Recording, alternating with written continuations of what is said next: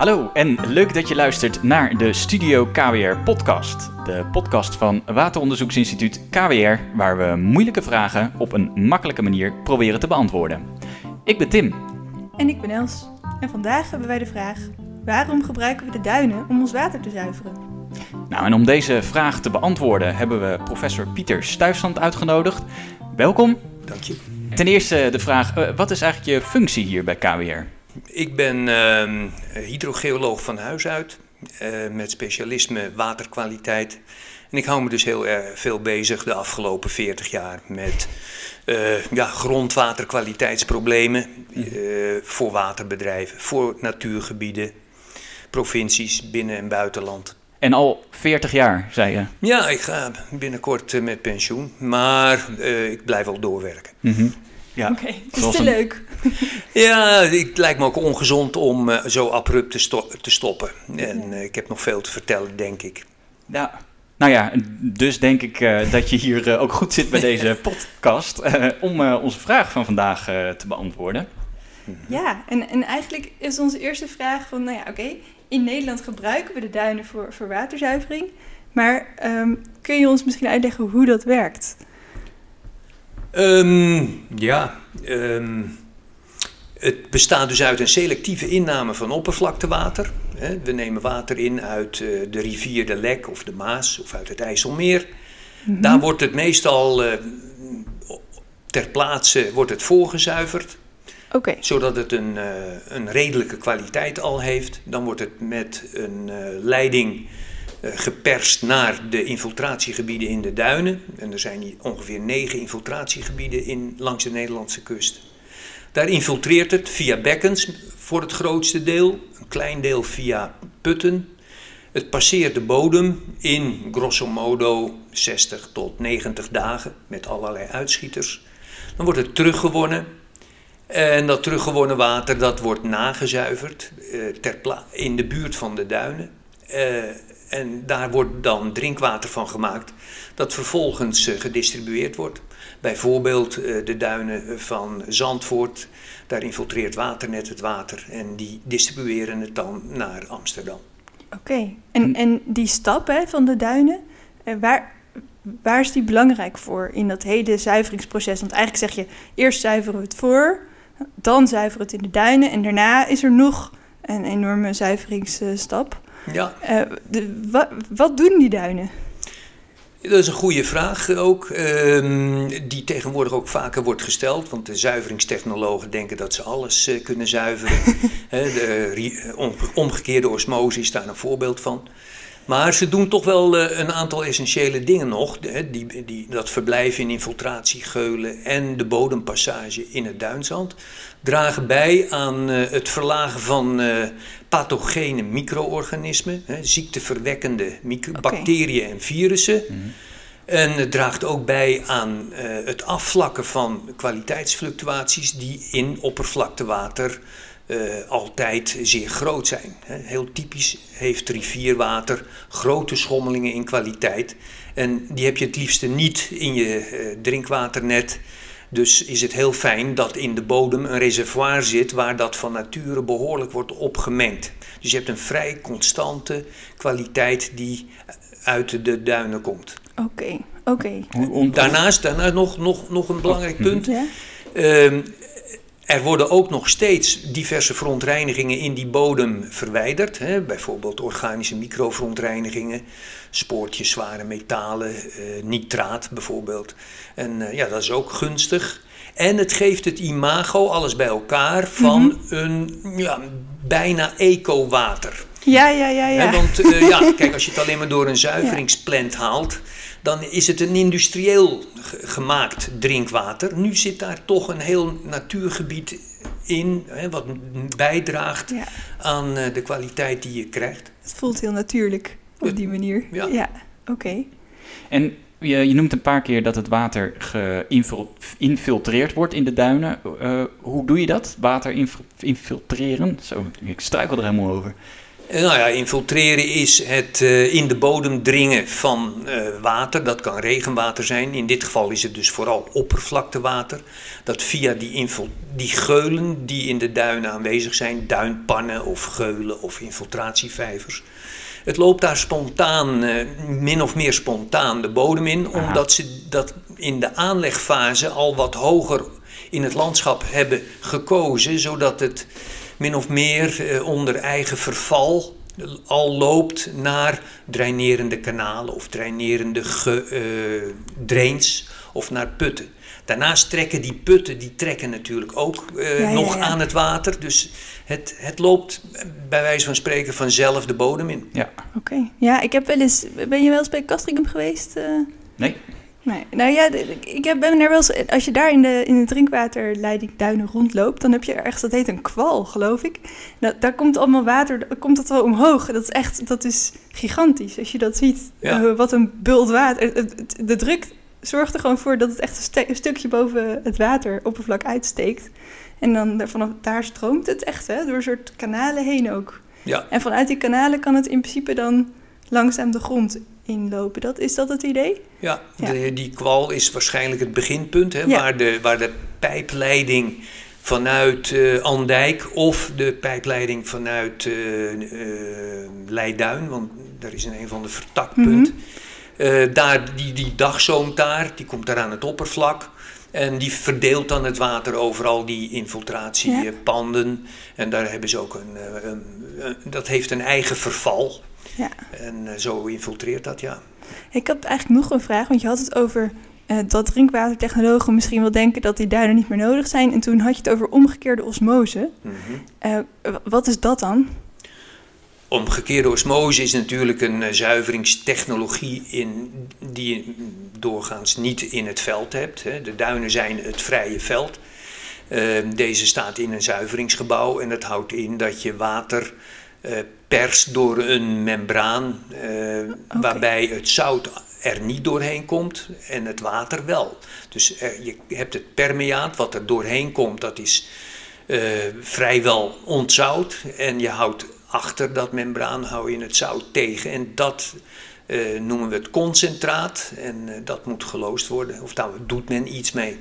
En hoe zit het dan met die ziekteverwekkers? Gaan die daar dan, kunnen die daar dan nog doorheen? Want dat was wat je, waarvan je zei dat gebeurt in de duinen. Die, die houden dat tegen.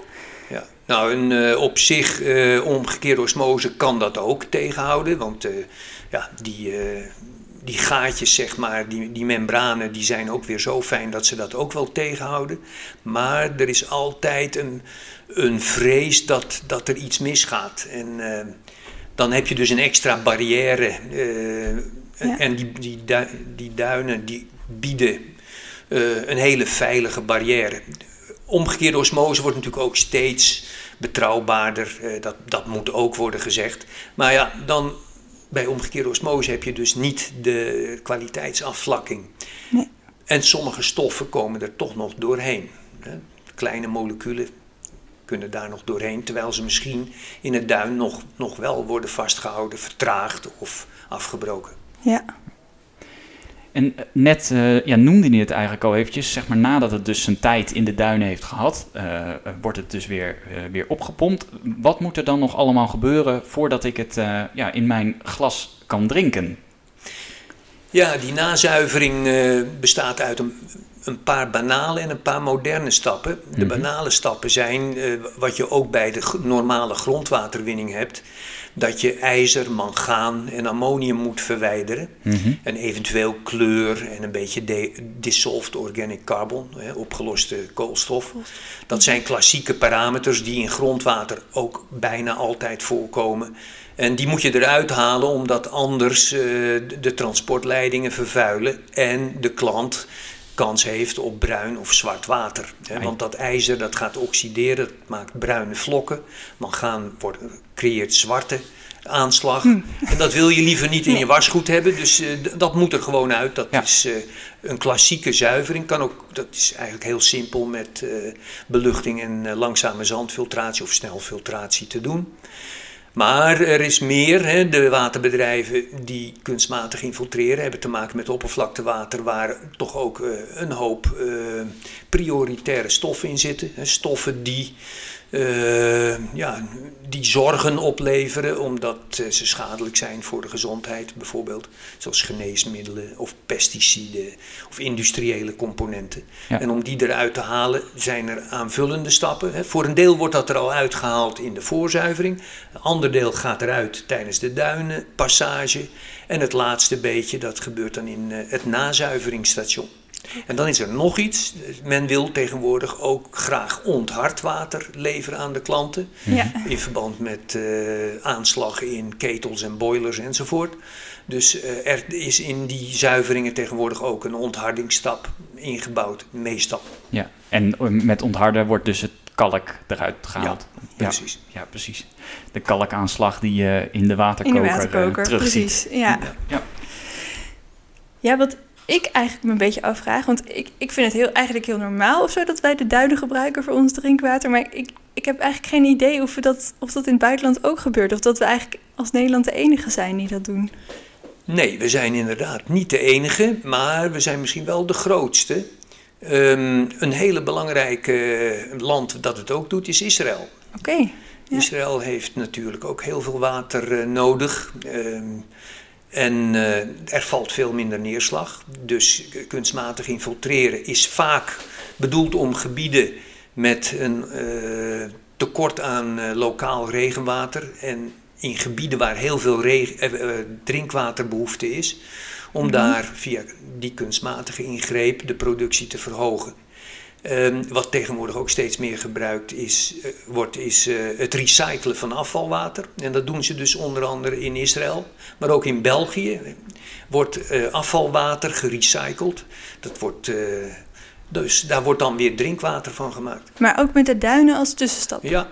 Oké, okay. ja. En ook weer om de reden van, nou ja ehm, het afvlakken van fluctuaties in de kwaliteit. Maar er is nog een reden dat ze het doen. En dat is ook het opslaan van overtollig water in een periode. Dat je veel uh, oppervlaktewater hebt in de bodem om het te gebruiken tijdens perioden dat er weinig regen valt. En dat is natuurlijk in landen als uh, Israël, maar ook in, uh, in woestijngebieden, want er zijn ook wat woestijngebieden waar ze kunstmatig, dat zijn ook duinen, het zijn ja. geen kustduinen, maar het zijn landinwaartse duinen. Hè. Zoals in Abu Dhabi heb je de Liwa. Uh, duinen en uh, daar wordt ook kunstmatig geïnfiltreerd. Daar kan je hetzelfde principe toepassen, in, ja, in niet zeeduinen zeg maar. Ja, in ja. principe wel. Uh, alleen ze kunnen daar niet zo goed met bekkens werken, want dan verdampt er te veel. Ja. Dus ja. ze gebruiken daar een soort ondergronds gravelbed. Hm. dus dat is met zand toegedekt. En, en het gebeurt vanuit dat, dat die gravellaag, die kunstmatige gravellaag, die wordt gevuld met ontzout zeewater. Daar okay. hebben wij als KWR ook aan uh, mogen meewerken aan dat project. En uh, daar wordt uh, voor de stad Abu Dhabi, 1 miljoen inwoners, wordt daar ontzout zeewater geïnfiltreerd om berging te hebben. Want ze zijn bang ja, dat, dat zeewater af en toe on, qua kwaliteit niet te gebruiken is, omdat er bijvoorbeeld te veel algen in zitten. Hm. Algen of kwallen. dan, dan kunnen die ontziltings uh, installaties die kunnen niet werken. Ja. Want dan verstoppen ze te veel, dan halen ze de productie niet. Ja. Dus dan wordt er in een periode dat ze stevig kunnen werken en de watervraag gering is, wordt het opgeslagen in de ondergrond. En in periode dat er dus problemen zijn, kunnen ze dat uit die ondergrond halen. Ja, maar dat is eigenlijk nog weer net een andere toepassing dan, dan de zuivering zelf, zeg maar. Want dat is wat we in Nederland vooral doen. Ja. En daar is het dan ook echt een bergingsstap. Ja, ja dat klopt. Ja. Wat mij, uh, wat mij opvalt is dat er, er lijken eigenlijk alleen maar uh, uh, positieve kanten te zitten aan het zuiveren in de duinen. Waarom, waarom doen we dat niet gewoon met al ons drinkwater hier in Nederland? Waarom sturen we niet alles door de duinen heen? Ja, dan in de eerste plaats hebben we dan te weinig ruimte voor. We okay. hebben maar een beperkt aantal duingebieden. En uh, die zijn al behoorlijk belast uh, met, met deze techniek. Er zijn natuurlijk nog enkele duingebieden waar geen kunstmatige infiltratie wordt gepleegd, zoals uh, de duinen bij Bergen Schorel. Ja. En eh, de Waddeneilanden en wat Zeeuwse eilanden. Maar er is al een behoorlijk eh, beslag gelegd op de duinen. En dat is net voldoende om 20% van onze drinkwaterbehoefte af te dekken. Oké. Ehm, daarnaast hebben we gelukkig in Nederland ook goed grondwater. Ja. Gewoon, we hebben ook behoorlijk wat regenwater in Nederland. Gemiddeld 0,8 meter per jaar valt er eh, verspreid over het land. En eh, daarmee de, wordt de ondergrond vanzelf behoorlijk aangevuld. En eh, dat leidt tot grondwater, zoals bijvoorbeeld op de Veluwe. Daar zit zo'n 300 meter eh, zoet water, waar vele eh, pompstations water uithalen. En dat hebben we ook in Oost-Nederland, in Zuid-Nederland, Brabant. Daar zitten grote grondwaterreserves en die worden benut. Ja. Niet alleen voor de drinkwatervoorziening, maar ook voor de landbouw bijvoorbeeld.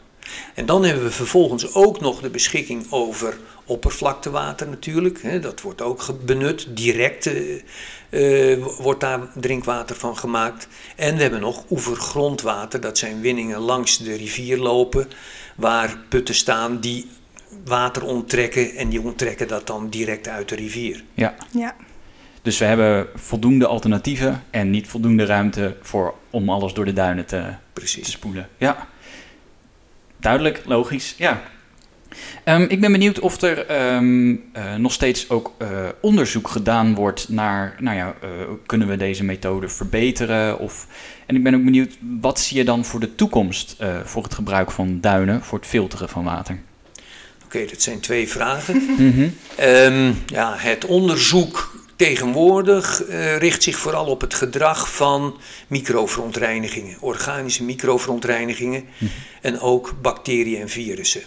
Eh, en nieuwe stoffen, opkomende stoffen. Ik, ik vermoed dat binnenkort er ook onderzoek gestart zal worden naar nanodeeltjes bijvoorbeeld. Oh ja. Hoe gedragen Ja, die zich? Microplastics, is dat ook nog een Ja, dat, eh, die kunnen ook Zou in, eh, kunnen, in, ja. in die grote Categorie. klasse zich be- bevinden. En dat is allemaal interessant, want ja, dat is, zijn gezondheidsbedreigende stoffen dan vaak. En daarvan willen we weten hoe ze zich gedragen. En dan zijn die duinen eigenlijk het ideale gebied om dit goed te bestuderen. Je kunt dat in het laboratorium doen met kolommen enzovoort. Maar dat is nooit helemaal perfect wat de natuur doet. Terwijl in die duingebieden heb je wel een, een, een mooie eh, simulatie van wat er in de natuur gebeurt. Hè, nou, nou is die kunstmatige infiltratie natuurlijk kunstmatig. maar het gaat dus sneller dan eh, in een, op de Veluwe bijvoorbeeld, waar ja. regen valt. Het gaat ongeveer 100 keer zo snel of zo. Ja. Maar desondanks eh, benadert het eh, de natuur veel beter. En alles wordt gemeten. Hè? In met kunstmatige infiltratie, je meet de hoeveelheid water. Alle, hè? Er staat een Ja, enorm veel monitoring data systeem. heb je. Veel data, Ja. De hoeveelheid water meet je, je meet wat erin gaat, want dat wordt allemaal gemonitord. En je kunt meten wat er weer uitgaat en hoeveel. En er is natuurlijk ook wat verdunning met duinwater. Kun je met tracers, kun je dus de mengverhouding kunstmatig geïnfiltreerd water en het oorspronkelijke duinwater, wat ook een beetje wordt bijgemengd, kun je allemaal berekenen en daar kun je voor corrigeren. En op die manier kun je dat gedrag heel erg eh, betrouwbaar eh, meten. Veel betrouwbaarder dan wanneer je dat zou doen op de Veluwe bijvoorbeeld. Want dan kom je met allerlei moeilijke dingen in contact. Ja. Ja. Ja. Dit is bijna een soort eh, gesloten systeempje eigenlijk. eh, Ja. Systeem. Ja, Ja. En min of meer. Maar Ja. op voldoende grote schaal. Ja. Hè, dat het toch eh, representatief is. Hè. Met kolomproeven zit je altijd met het eh, verschijnsel van ja, eh, het simuleert niet helemaal de werkelijkheid. Je hebt de seizoenen niet zo makkelijk in de hand. Nee. En eh, de verblijftijden niet, want ja, het is maar een kolommetje en het is niet 100 meter duin bijvoorbeeld. Nee, precies. Ja. Oké, dat was denk ik vraag 1. Ja, oh, ja. ja, en ik ben inderdaad benieuwd wat je ziet voor, eh, ja, in de toekomst. Wat voor een, eh, eh, ontwikkelingen je ziet bij de inzet van duinen. Ja, dat is, dat is natuurlijk een hele lastige vraag. Om, met- om, met Ja. name omdat die klimaatverandering en de zeespiegelstijging daar een belangrijke ja. invloed eh, op uitoefenen. Hè, de zeespiegelstijging, die, eh, nou ja, daar, die benaderen we vooral met zandsuppleties op het ogenblik. Hè. Dus eh, we kwakken een hoop eh, Noordzeezand tegen de kust. Dat doen we met eh onderwatersuppleties. Ehm, een mooi voorbeeld is de zandmotor bij eh, Terheide, Mhm. Scheveningen. De- waar een enorme voorraad zand is opgespoten tegen de kust aan en die de komende 10, 20 jaar daar de stranden moet suppleren vanzelf. Uh, maar het is een voorbeeld van hoe we zouden kunnen ageren wanneer die zeespiegelstand ja, niet 30 centimeter, wat de aanvankelijke prognose was voor 2100, mm -hmm. maar wanneer dat bijvoorbeeld eens 3 meter zou zijn. Oh ja. He, dan moet je groots denken. En uh, daar hebben we onze ingenieurs voor, he, die uh, met grote plannen ja, dit zouden kunnen aanpakken. Ja. Tot, tot het te gek wordt, dan ja, dan wordt het koffers pakken. Ja, ja, ja. ja want het houdt een keer op natuurlijk dan. Hè? Want je, je bent wel zoet water aan het infiltreren in, in een gebied wat ja, vlak bij de zee ligt. Dus waar je wel verzilting zou kunnen krijgen op enig moment. Als je te hard pompt, zeker. Hè? Uh, nou drijft gelukkig zoetwater op zoutwater. Ja, en, dat is een uh, langs de kust is, zitten dus ongeveer 100, 120 meter zoetwater... wat drijft op zoutwater dat onder de zoetwaterlens door naar de droogmakerijen stroomt. Alleen die stroom, die wordt natuurlijk bij een hogere zeespiegelstand, wordt die stroomsterkte steeds hoger. Het, het verval van de zee bijvoorbeeld naar de Haarlemmermeer is 5, 5,5 meter. Dus je hebt 5,5 meter verval van zee richting Schiphol. Mm -hmm. uh, over een afstand van, nou pak een beet, 10, 15 kilometer. Uh, dat wordt straks dan misschien met 3 meter opgehoogd. Ja. ja. En uh, ja, dan gaat het harder stromen, dus krijg je meer verzilting in, uh, in de droogmakerijen. Wat je dus zou kunnen doen, en dat zijn ook uh, ideeën die leven, gelet op de toekomst. Je zou die zoetwaterlens kunnen gaan uitbreiden naar de diepte toe. He, als je die zoetwater, het is een soort wortel, he, net als een, een tand in je gebit staat, staat mm -hmm. daar een zoetwaterlichaam in zout water eigenlijk. Mm -hmm. Als je die zoetwaterlens kunt verdiepen, een, eh, een 50 tot 100 meter eh, naar beneden toe, dan sluit die een watervoerende zandlaag af. Want op bepaalde diepte komt klei. Dan, dan kan dat water daaronder door dus niet meer zo makkelijk die polder instromen, want hij wordt geblokkeerd door dat zoetwaterlichaam wat daar de zaak verspert. En die met zijn uh, basis op de klei staat op grote diepte. En dan praten we over 200 meter diep of zo. Oké. Dus dit is een engineering mogelijkheid uh, waar we nog wel eens uh, voordeel van kunnen hebben. Ja. En die zandsuppleties die dragen ook bij om die lens groter te maken.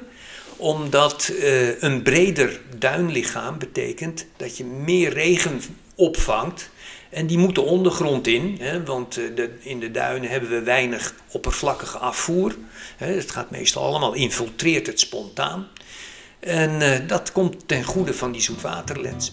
Ik denk uh, dat we daarmee aan het einde zijn gekomen van deze podcast. Dus ik wil je bedanken voor het luisteren naar de Studio KWR podcast. we hebben vandaag de vraag beantwoord: waarom gebruiken we de duinen om ons water te zuiveren?